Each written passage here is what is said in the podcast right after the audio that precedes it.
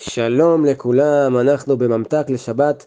השבוע לומדים על פרשת השבוע, פרשת וישלח, שבה אנחנו קוראים על כך שעשו שונא את יעקב. ולא רק זה, הוא יוצא לקראתו עם 400 אנשי חיל. אבל יעקב מצליח לשבור את השנאה הזאת של עשו, ולגרום לכך שברגע המפגש ביניהם, עשו בוכה, מחבק את יעקב ואפילו נופל על צווארו. ורש"י מסביר שהסיבה לכך היא שעשו לא יכל להישאר אדיש לכך שיעקב השתחווה בפניו כל כך הרבה פעמים, ונחמרו רחמיו על יעקב. וזו הפואנטה שבה נתמקד היום.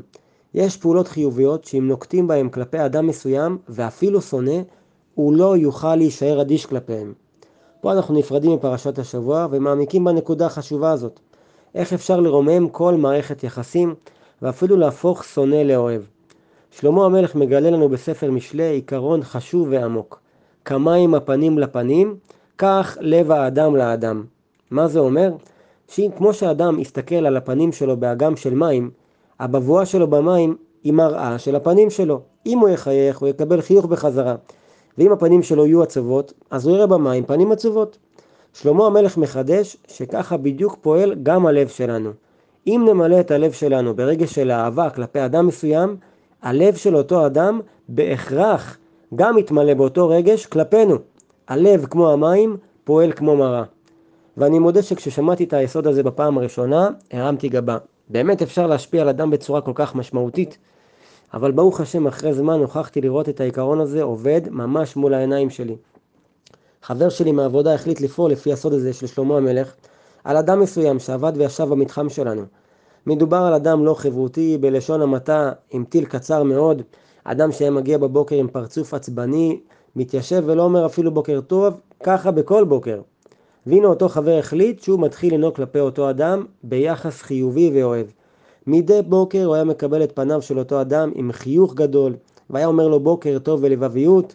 התגובה הייתה התעלמות.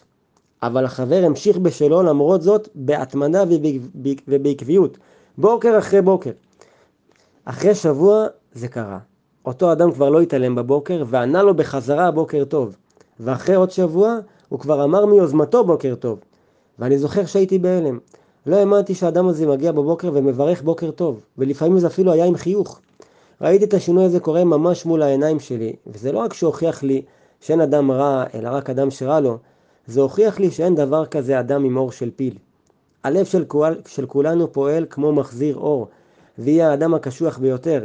אם הוא יקבל אור של אהבה בעקביות, בהתמדה, מוכרח שהלב שלו גם כן יחזיר אהבה. והמשמעות של הדבר הזה היא אדירה, כי אם נחשוב על זוגיות קלוקלת, שבה רק אחד מבני הזוג מוכן להתאמץ כדי להציל אותה, והשני לא, אז עכשיו אנחנו מבינים שמצב שכזה הוא ממש לא מבוי סתום. כי בכל מערכת יחסים מספיק שרק צד אחד יעשה מהפך, ויהפוך את הלב שלו ללב אוהב, כדי שגם הלב של השני ידבק בזה אפילו בעל כורחו. זה לא תמיד קל, זה מצריך עקביות והתמדה, אבל זה עובד ועוד איך. אז שנזכה להיות מוקפים באהבה תמיד, ואיפה שצריך, שנשכיל לייצר את האהבה הזאת. שבת שלום ומבורך.